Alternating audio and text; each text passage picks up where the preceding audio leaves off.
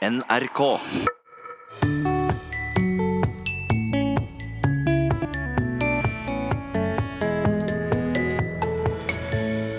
Latin har vært et dødsspråk i hundrevis av år, men lever fortsatt og er elsket. Å ja, det er helt sikkert. Jeg har eh, min latinske grammatikk fra skolen hvor jeg hadde tegnet et hjerte utenpå. Som tenåring. Og hvordan var det nå med denne kjerringa? Skal hun snus eller reises? Jeg tror det å snu kjerringa nå sniker seg inn på litt på samme måte som eh, bøye seg i hatten eh, gjør. Vel møtt til Språkteigen. Latin har vært et dødsspråk i hundrevis av år, men er fortsatt levende. Våre godt kjente ord motor, mobil og mobbing kommer alle fra det latinske movere, som betyr bevege. Og visste du at testikkel betyr lite vitne? Eller at amatør betyr ei som bokstavelig talt elsker det å holde på med?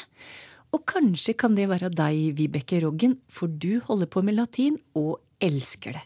Å ja, det er helt sikkert. Jeg har eh, min latinske grammatikk fra skolen hvor jeg hadde tegnet et hjerte utenpå. Som tenåring. Allerede som tenåring? Ja, ja, jeg gikk latinlinjen og kunne heldigvis gjøre det den gangen. Hva er det med det språket, da? Det var ikke bare fordi de kjekkeste guttene gikk på latinlinja.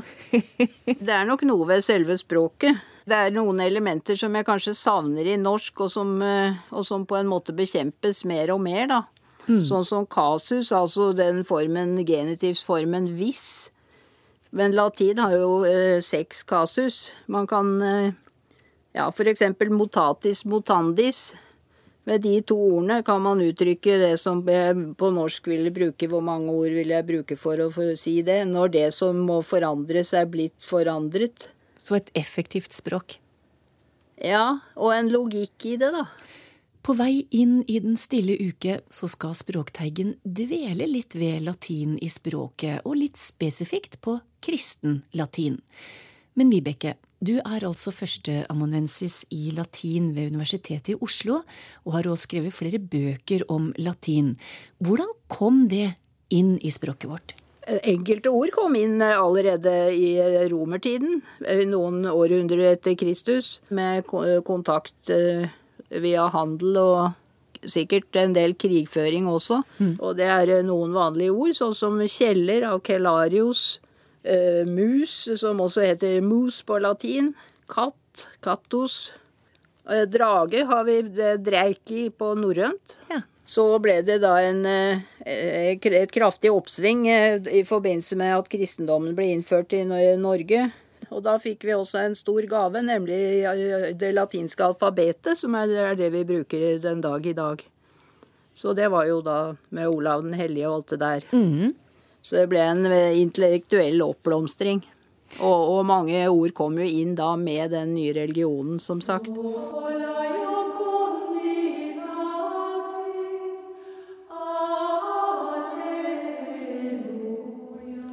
Eh, det var middelalderlatin. Og, og, den, det var en latin som, som, var i bruk da fra latin sluttet å være morsmål, sånn ca. fem ja, Man vet ikke akkurat 500-600 etter Kristus, og fram til renessansen. Så tusentallet ligger jo midt imellom der, da.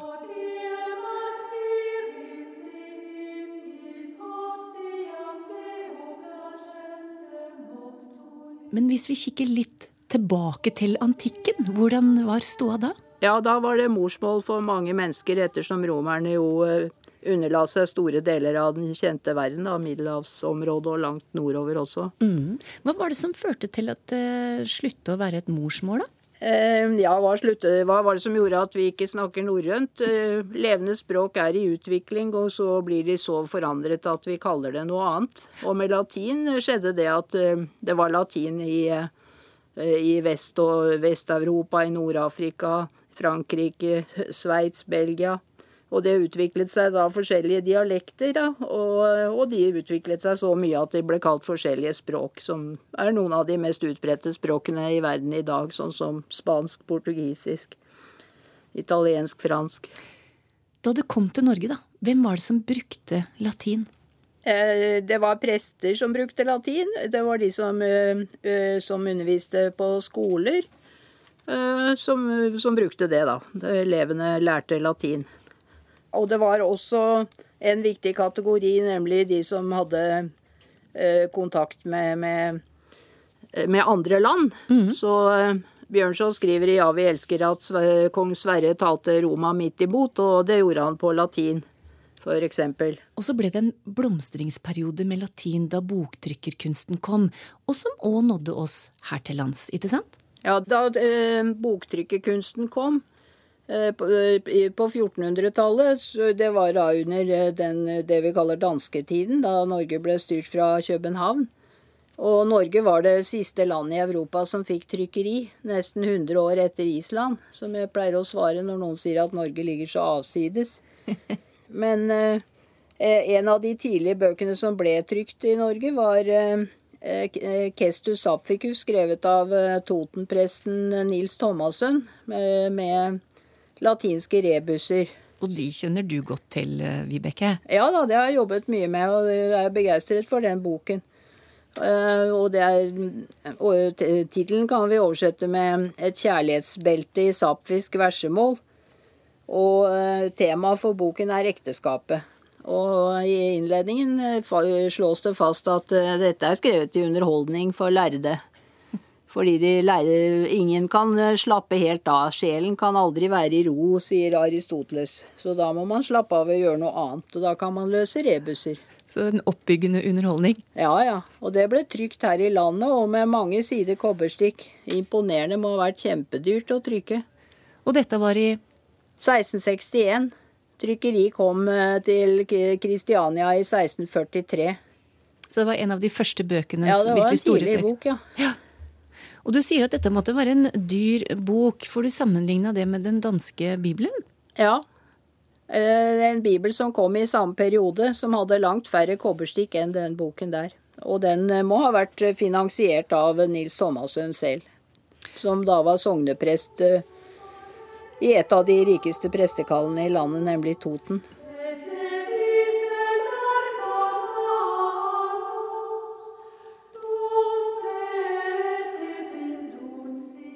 Men da reformasjonen kom, hvordan påvirka det bruken av latin i kirka f.eks.? Etter reformasjonen, eh, det vi har lært da, er at eh, da kom eh, folkespråkene inn i, i gudstjenesten. Og det er riktig, og det kom bibler oversatt til forskjellige folkespråk. Ikke til norsk da, før rundt år 1900, eh, men til tysk, svensk, dansk f.eks. Eh, men de lærde brukte, og teologene brukte latin når de kommuniserte seg imellom, når de f.eks. diskuterte hva det eller det på hebraisk i Gamle testamentet betød, eller det og det på gresk i Nytestamentet. Da diskuterte de det på latin. Mm. Og Luther utga en revidert bibel, deler av Bibelen. Det var en eh, kirkeordinans som bestemte over både kirke og skole. Skolene var en del av kirken på den tiden. Eh, og man regner at eh, de første skolene av det latinskolene kom på tidlig 1100-tall, da det var besøk av en kardinal i Norge. Mm. Trondheim og Oslo katedralskole. Og det var ti kjøpstader i Norge da etter reformasjonen, og da bestemte kirkeordinansen at hver av dem skulle ha en skole. Så da fikk vi da ti skoler i landet, da. Går det an å si da i dag, Vibeke, hvor mange låneord vi har fra latin i norsk språk? Det har jeg aldri sett noe tall på. Jeg har sett tall for engelsk, at 80 eh, eh, av ordforrådet kommer av latin eller gresk. Gammelgresk. Men vi har ikke så mye. Som jeg sa, da, så dveler vi litt ved at vi går inn i Den stille uke og skal kikke på noen ord knytta til kristen latin. Og vi kan jo rett og slett ta turen til kirka, hvor vi f.eks. finner presten. Ja. Um, når det gjelder den eh, kristne eh, latinen, kristne ordforrådet, så er eh, en god del av det laget av vanlige ord, generelle ord, som fått, har fått en spesiell betydning antagelig allerede i senantikken. Og mange av dem er greske opprinnelig, og er lånt inn fra gresk til latin. Og så er de lånt videre, da. Kulturelt er gresk og latin svært beslektet eller forbundet på den måten at, at romerne glad og fornøyde lånte og imiterte eh, gresk både språk og kultur. For romerne de erobret jo Hellas. Det ble en del av Romerriket, det nåværende Hellas, og også gresk område i Lilleasia og større områder. Gresktalende områder. Eh, prest kommer av presbyteros på gresk, som betyr eldre. Hvis vi går til, kan, ta det engelske vicar, mm. Så er det det samme som vårt ord vikar. Så det er en stedfortreder. Vikarius. Akkurat. Så det, presten skulle da være Kristi stedfortreder på jorden, må vel den tankegangen være der. Mm. Vi kan jo fortsette i det segmentet der, for vi har jo prost. Ja, og det ligner jo prest og prost, men eh, det, bakgrunnen er annerledes. Prost er fra latin propositus. En som er stilt eh, foran en forstander, kan man si. Og pastor? Ja, pastor, det er, eh, det er en gjeter. Eller hyrde, da. Så der har vi jo den gode hyrdetankegangen. Og over dem alle så finner vi jo biskopen. Ja, der er vi tilbake. Ja, det pastor er latin. Eh, biskop er fra gresk. Episkopos. Eh, det betyr en oppsynsmann. Og der har vi jo med syn og det å se å gjøre. Og ja, hvis vi tenker på periskop for eksempel, så er det, det disse henger sammen, da. Det er skopein og se på gresk, gammelgresk.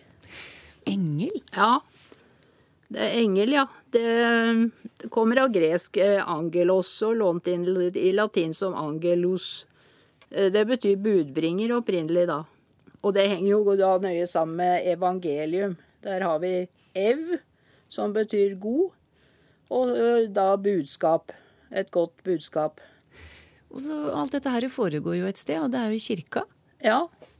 Og det er fra gresk også. Det har sammenheng med ordet Eh, som betyr herre. Eh, og det betyr altså noe som har med Herren å gjøre, da. Kyriakos, eller kyriake, da, kanskje i hunnkjønn her. Så kyrie? Kyrie, ja. Det er vokativ tiltaleform av, av ordet. Så det betyr rett og slett 'Å Herre'? Ja. Hva med det motsatsen her? Det mørke i det, nemlig djevelen? Ja, det betyr bakvasker. Diabolos. En bakvasker. Ikke bra. Det mange av oss vil ha i påsken, uansett om vi er på fjellet, ved sjøen, i byen, om vi er i kirke, eller som deg som skal til Roma, så er det jo at vi vil ha sol. Ja. Og da er vi inne på latin med en gang. Ja, for det heter akkurat det samme på latin. Og, og, da kan jeg jo legge til det med soleklart. Ja. Det kommer av latin sole clarius, og det betyr klarere enn sola. Men eh, sol heter altså sol? Ja. Eh, og det ønsker vi oss. Ja, det gjør vi. Ja, Du vil ha det i Roma? Jeg vil gjerne det, ja. ja. Og jeg håper jeg slipper å gå med brodder der. Ja, ikke sant? vi krysser fingra for litt sol. Takk til deg, Vibeke Roggen, som er førsteamanuensis i latin ved Universitetet i Oslo. Gjør vi med kjerringa når vi har gått på et nederlag? Tore Aasland merka seg for ei stund siden en fornøyelig forsnakkelse av politisk kommentator Magnus Takvam på Dagsrevyen. Han kommenterte situasjonen i Arbeiderpartiet og sa følgende. Så det var uh, uheldig for, for, dem, og det krever nå at toppledelsen i partiet jobber kollektivt og prøver å snu kjerringa. Han mente nok reise kjerringa, sier Tora, og hvor kommer det uttrykket fra, spør hun. Og Georg Kjøll, dette er vel nok et eksempel på et uttrykk som kanskje er i endring? Ja, det er bra, bra eksempel, bra uttrykk i den forbindelsen med, med ting som er i ferd med å feste seg. For jeg, jeg tror det å uh, snu kjerringa nå sniker seg inn på litt på samme måte som uh, bøye seg i hatten uh, gjør. Mange sier det med litt sånn ironisk distanse, og sånn, men så er det også mange som eh, snubler og sier 'snu kjerringa' når, når, de egentlig vet at det er reise kjerringa. Eller de vet kanskje ikke at det er reise kjerringa som er det opprinnelige uttrykket, og har bare tatt, tatt dette, denne nye varianten da, på samme måte som mange nå har tatt 'bøye seg i hatten' som en ny variant, uten å tenke over at det egentlig var en blunder som lå til, eh, lå til grunn. Men selve uttrykket 'reise kjerringa' kommer fra skisporten. Og spesifikt skihopp, hvor, hvor det å lage en kjerring, det var å falle i skibakken. Og så endte man opp med en sånn avtrykk i snøen som var sånn kjerringformet. Oh. Uh, Visstnok, da, som, som, var det som skjedde her. Uh, og hvis man reiste, reiste kjerringa, så klarte man å kjøre ned bakken uten å dette. Eller man gjorde et nytt hopp og kjørte unna rennet på nytt, og da slettet man jo denne kjerringa som lå der. ikke sant? Så da, da, har, man, eh, da har man reist uh, kjerringa. Det viser seg at det uttrykket har vært brukt i skisporten helt siden idrettens spede begynnelse. For vi finner det bl.a. omtalt i Åsmund Olavsson Vinje Eh, sine skrifter. Han skriver allerede i 1853 om skammen som var forbundet med å få ei møykjerring. Som var et ord da, som ble brukt eh, nedsettende om en ugift gammel dame. Mm. Uh, å få møykjerring hoppbakken det var utrolig flaut, og man kunne ikke slutte før man fikk reist henne opp, da, ifølge Vinje. Uh, og denne, denne, sammenhengen til hoppsporten og de glade 1850-årene er jo såpass, eh, såpass, ukjent for folk at det er ikke rart at dette uttrykket også blir litt eh, lite gjennomsiktig. Så vi finner den sammenblandingen eh, en god del. Um, kanskje mest muntlig, det er når det går litt fort. Jeg tror folk flest klarer å se og har en radar på at det er et eller annet rart med uttrykket når det står 'snu kjerringa' på, på, skrift. Men ja, vi hadde annet en, en olympisk medaljevinner som tidligere i vinter snakket om at hun Eh, hadde snudd kjerringa etter å ha vunnet et verdenscuprenn etter en fryktelig dårlig sesong så langt. Eh, og ja, den, den opprinnelige den, den, blemmen som eh, flest forbinder med dette her, tilhører en fotballspiller som på 90-tallet snakket om at de skulle hjem til en større norsk by hvor de holdt til å eh, vinne returkampen i en, eh, i en sånn europacupkamp som de hadde tapt forsmedelig mot et annet, eh, mot et storlag. Da skulle de hjem og snu kjerringa. Så det ble også tittelen på en bok, faktisk, om blemmer og art, artige uttalelser i, i, i, sport. Så skrevet av Espen Selmer Torgersen. Så det er folk som er interessert i å finne ut mer om å snu, snu kjerringa. Og andre, andre uttrykk i samme, samme, lag, så kan man gå til den tittelen der. Så både reisekjerringa og snukjerringa har dukka opp i sporten for første gang? Eh, ja, det kan virke, virke, sånn, altså. Eh, det er jo typisk det at eh, sports, sportsutøvere, særlig når de blir intervjuet rett etter, et, rett etter å ha løpt rundt i, i timevis, og er slitne og andpustne og, og fulle av adrenalin, at man da bommer med, med uttrykk. Så det er ikke så, ja, det er ikke så rart at, at disse disse forvrengningene, eh, eller forvengningene, eh, dukker opp eh, akkurat i, i, i, sportens verden. Og Tenk så gøy vi får det når de gjør det. Ja, det er jo helt topp. Det er jo mange altså, det er mange krefter som vil at man skal ha intervjuer så tidlig som mulig og så tett på si, handlingen som mulig i, i sporten, nettopp fordi man ender opp med ikke bare språklige blemmer, men også litt sånn kontroversielle uttalelser og, og, konflikter og sånn. Så det, det, er klart det er et Ja, det, er, det genererer interesse, og det er morsomt for oss også, som, eh, som, som følger det av språklige hensyn. Det sa vår eh, mann på faste uttrykk, lingvist Georg Kjøll.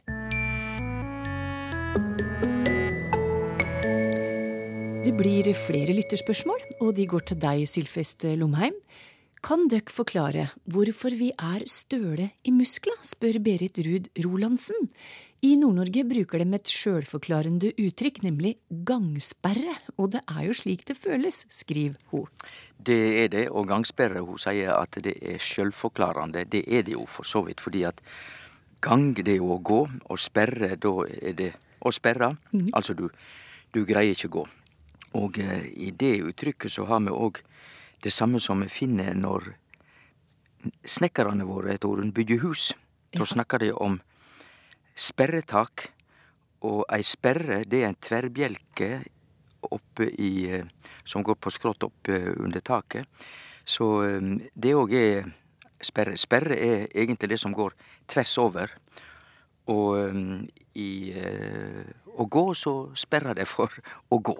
Men støl det er ikke lett å forstå, og det er fordi at det har forandra seg på tusen år. I gammelnorsk så var dette ordet stirdr, altså S-T-I-R, og så en D med strek over, mm -hmm. og R stirdr. Og det betydde stiv på gammelnorsk. Og så har den RD-en blitt til en L, tjukk L. Vi veit jo at gard, RD, har blitt til gard. Og det er nok forklaringa på at støl har hatt en utvikling mot en L. Men det er altså stirder på gammelnorsk som tyder stiv. De siste åra så er ordet karakter blitt tatt i bruk i betydningen oppdikta person eller person i diktverk. Er denne betydningen nå etablert og akseptert i norsk språk? For hos meg så skurrer dette, skriver Olav Sva. Det må jeg bare svare helt tydelig og greit ja på, fordi at den bruken er både etablert og akseptert, og til og med rekna opp i ordbøkene som en av de måtene ordet karakter kan brukes på. Men det er helt rett at dette er en nyere bruk av karakter. Det er nok den siste bruken som har blitt føyd til i bruken av dette ordet, for ordet i seg sjøl, det er jo ikke norsk. Det kjem fra et gresk ord som tyder å rissa inn, altså noe du skriver inn, et tekken. Så første tying, den grunnleggjande, er eit trekk, eit kjenneteikn, eit, eit drag, rett og slett. Og så er ikke det vanskelig å tenke seg at det da har gått over til neste tying og bruksmåte, nemlig om personar, at de, når de har en bestemt karakter, så har de en bestemt profil i personligdommen, og kanskje det er til og med stort sett positivt. De har karakter, det betyr styrke, vilje, altså de har preg. Så eh, på grunnlag av det så er det jo ikke så vanskelig å tenke seg at figurer i fiksjon, både i film, men kanskje helst i fiksjon, altså skjønnlitteratur, at eh, slike figurer som blir skapte av en forfatter, da, at de har en, et spesielt trekk eller preg. Det må de jo ha hvis vi skal synes at de er interessante nok. Ja. Og dermed så kan det òg brukes om en karakter i fiksjon. Det aller siste er heilt spesifikt og konkret, som både du, Torunn, og jeg og de ja, alle voksne mennesker har vært borti, nemlig vi har fått karakterer i skolen. ja.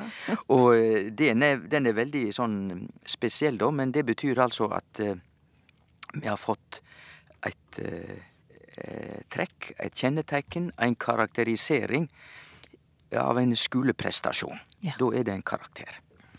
Jeg lurer litt på ordet ydmyk, og da første del av ordet, altså yd, som jeg oppfatter som en litt sjelden konstruksjon som en ikke finner i så mange ord på norsk.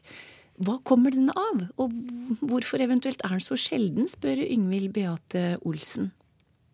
Det er veldig sjelden som førestaving. Jeg kommer ikke på noe annet ord i farten, jeg, med yd.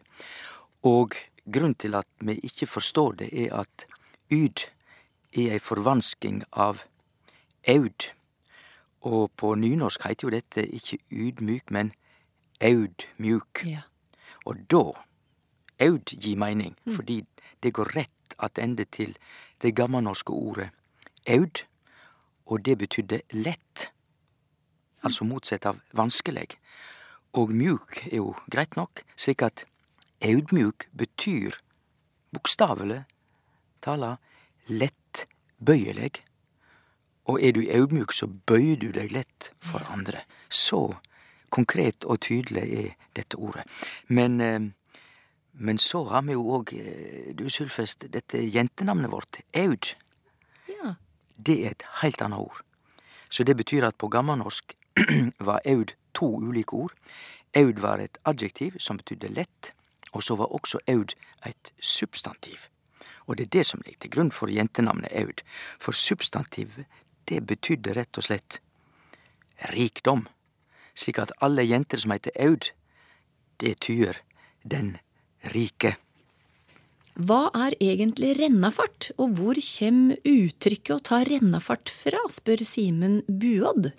Ja, da, Simen Buodd, da eh, stiller du deg opp, og så tek du rennafart, sier du. Jeg ville si eh, tek rennefart, og så fyker du av gårde og springer. Skikkelig i tempo. Da tek du rennefart. Og kvifor renna? For det er jo verbet å renna. Ingen tvil om det. Det betyr at verbet å renna har to bruksmåter i norsk. Det ene er rett og slett å springa, og det andre er å, å fara. Tenk på at et vatn som fer nedover et bakkehall, for eksempel, så sier vi at vatnet renner nedover. Så å renne betyr både å fare og å springe.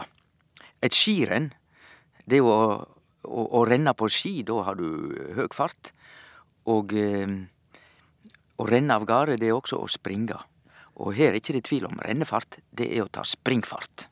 Så har ingenting med overrenna i, et, eh, i en hoppbakke å gjøre? Altså. Å jo da, for ja. det, overrennet er jo eh, den delen av, eh, av rennet der du fyker av gårde som er over, altså høyere oppe enn hoppkanten. Så å renne er ikke tvil om. Det betyr å fare fort, eller også å springe. Hva er opprinnelsen til ordet skalkeskjul, spør Ida Andersen. Det er rett og slett gammelnorsk. Og skjula er jo å løgne, altså. Det er greit nok, men på gammelnorsk hadde de et substantiv som heter ein skalker. Og det var et ord som betydde tjener, og da betydde det òg ofte at han var en skøyer. Og det kan til og med være at han eh, ikke var helt pålitelig, en liten slyngel. Så et skalkeskjul er noe som eh, er et påskudd, eller noe som er et lureri. Og et skalkestykke kan jo òg være et norsk ord for en skøyarstrek. Ja. Så alt kjem fra en skalker på gammelnorsk, som betyr en eh, litt upålitelig skøyeraktig tenor. Jeg lurer på ordet overhodet, som brukes for å understreke en mening på linje med absolutt. Hvor har det sin opprinnelse fra, og hva har dette å gjøre med noe som måtte befinne seg over hodet, da, spør Tore Kielland. Ja, og da uh, tyinga med over, over hodet uh, Vi legger jo merke til at overhovedet blir ikke brukt slik på nynorsk. Overhovedet på nynorsk betyr bare over hovudet. Men på bokmål overhodet betyr skrevet som ett ord og med T til slutt, overhodet. Det betyr generelt, allment, uten å gå i detalj. Og da er vi på sporet. Fordi dette skriver seg fra den konkrete situasjonen. Du kan tenke deg en, en flokk med kyr, en kubøling, og en som skulle kjøpe denne bølinga. Han kunne av og til kjøpe denne over hodet, uten å begynne å telje alle hovuda, alle horna. Det var überhaupt. Vi har det fra tysk. Og überhaupt på tysk er jo over hovedet. Så det betyr det å bare sjå stort over en flokk, uten å gå i detaljene. Men hvorfor brukes det bare i nektende setninger, spør Tore Kjella nå? Det er nok ikke slik at det bare blir brukt i nektende setninger i norsk, men som oftast. Men det går an i norsk, og da blir det stadig bokmål, han er vår største dikter overhodet, uten å telje. Han er vår største dikter overhodet, og det er jo ikke ei nektende setning. Men det er rett som Tore Kielland altså sier, det er som oftest brukt sammen med ei nekting. Mm. Det var siste svar i dag, det. Takk til deg, Sylfest Lomheim. Neste søndag kan du sove lenger hvis du vil ha med deg Språkteigen på radioen. Da starter vi klokka 12.30. Takk for følget i dag. Ha det bra.